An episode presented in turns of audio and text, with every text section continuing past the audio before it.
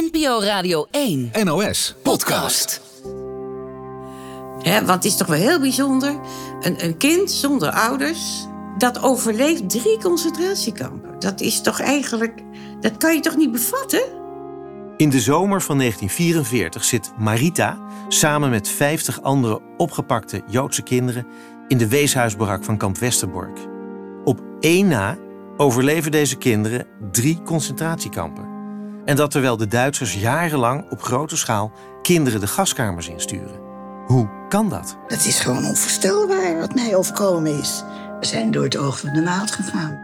In de podcast De onbekende kinderen van kamp Westerbork ga ik, Rob Trip, op zoek naar het bijzondere, bizarre verhaal van deze groep. De kinderen van wie niemand wist wie ze waren. De onbekende kinderen van kamp Westerbork vanaf 30 april te beluisteren op dit kanaal.